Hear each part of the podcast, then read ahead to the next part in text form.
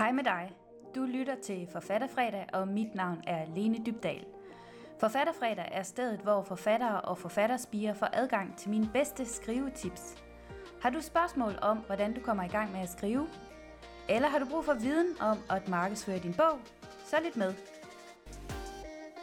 I dag skal Forfatterfredag handle om, hvordan du fremtidssikrer din bog. Du har måske læst en bog i folkeskolen, som har sat sig i din hukommelse, og ganske sikkert så er det sådan, at din dansklærer har udvalgt lige nøjagtigt den bog, fordi at det var en klassiker inden for øh, det alderstrin, som du var på på det tidspunkt, hvor du læste bogen.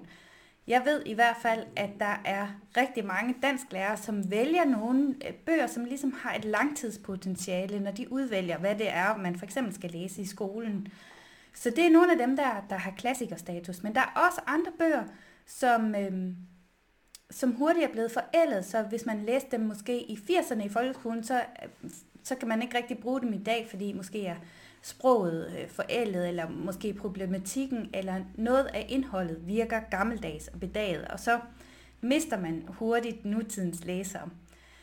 Når jeg taler om klassikerstatus, så har vi selvfølgelig også de helt øh, gængse klassikere. Altså i, herhjemme er det så nogen som H.C. Andersen, Herman Bang, Søren Kierkegaard og øh, Karen Bliksen.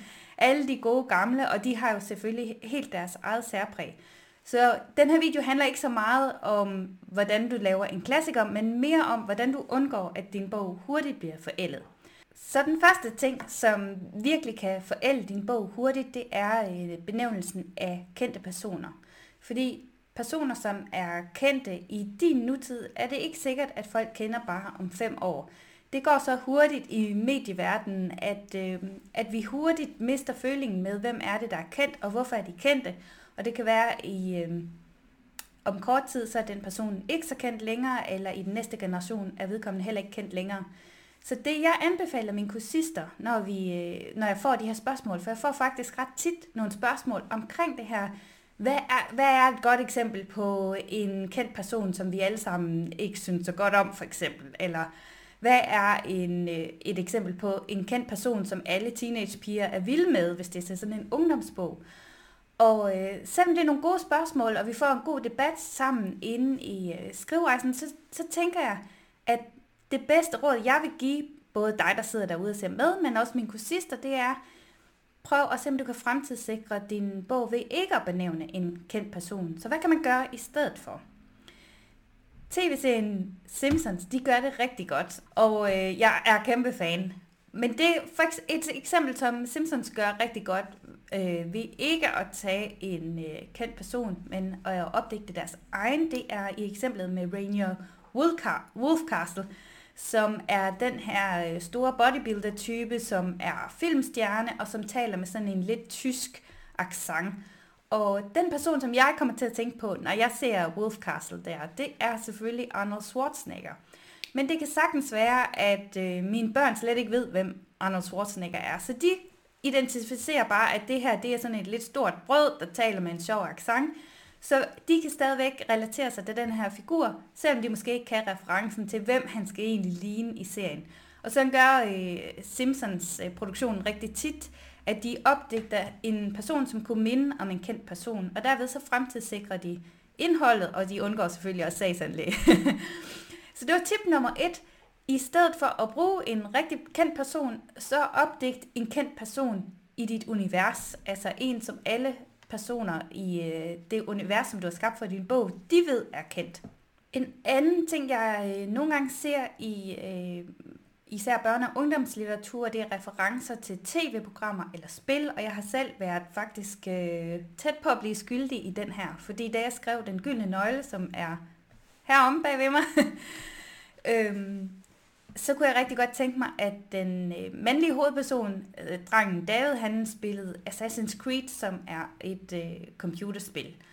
Og øh, på det tidspunkt, så havde jeg bare skrevet navnet på computerspillet ind i bogen, og så da min redaktør får manuskriptet, så siger hun, synes du ikke, vi skal ændre det til noget opdigtet. Øh, netop af den her grund, at vi skulle fremtidssikre bogen, så den ikke bliver forældet om 10 år. Hvis nu det spil ikke stadigvæk bliver spillet om 10 år, så vil øh, børn om 10 år ikke kunne øh, forstå, hvad det var for et spil, han var så besat af, og måske synes de endda, at det var kikset, fordi det der spil allerede var ude af markedet igen.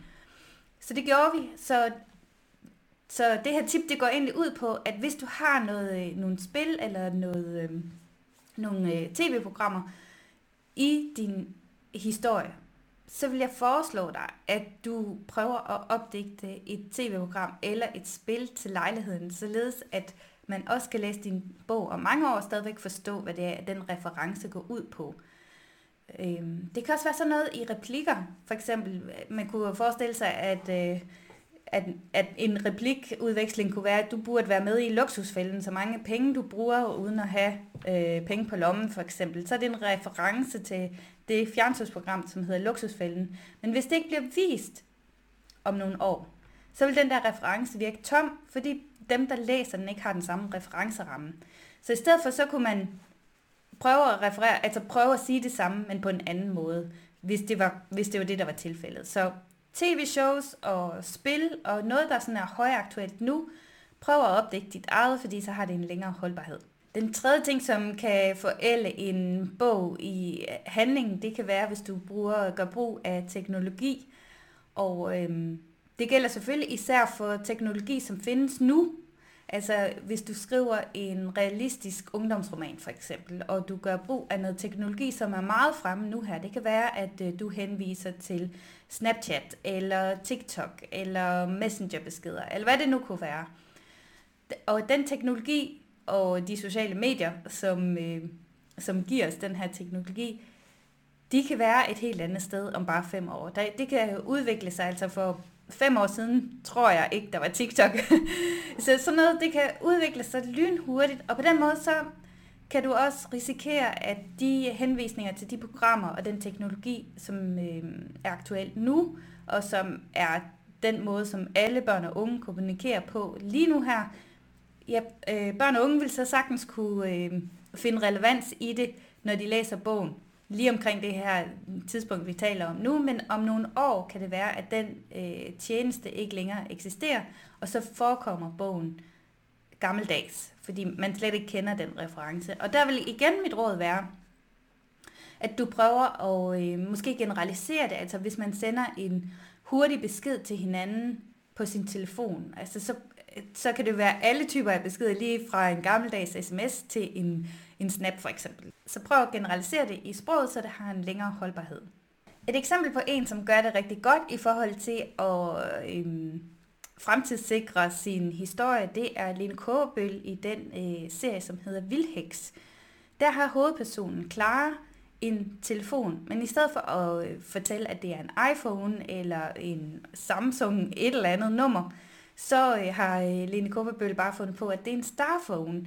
Og på den måde, så kan vi sagtens øh, relatere os til, at okay, det er et telefonmærke, som er inde i det her fiktive univers.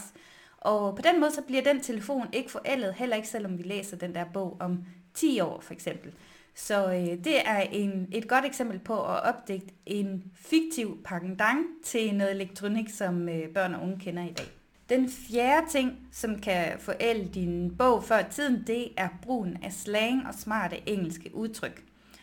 Og øhm, nu er jeg vokset op i 80'erne, og nogle af de slangudtryk, mine forældre sagde til mig, som jeg slet ikke havde nogen begreb om, hvad det betød, det var sådan noget som øh, bred ymer og knæhøj karse, og det var sådan noget, man sagde i 60'erne. Og øh, allerede på det tidspunkt, da jeg voksede op, så, så forstod jeg slet ikke, hvad de der øh, ord skulle betyde, og mine forældre de sagde det selvfølgelig bare for at, at drille mig lidt. Øhm, men hvis du forestiller dig, at et ungt menneske eller en voksen sidder og læser en bog i dag, hvor øh, personerne i bogen bruger nogle udtryk, som slet ikke er relevante længere, så vil personen få det indtryk, at, øh, at bogen ikke virker nutidig. Så derfor er mit forslag at rydde ud i alle de der slangudtryk. Fordi det, man siger i dag, jeg kan også bare se det på det, mine egne teenagepiger, de siger i dag, det er ikke de samme udtryk, som jeg sagde, da jeg selv var teenager.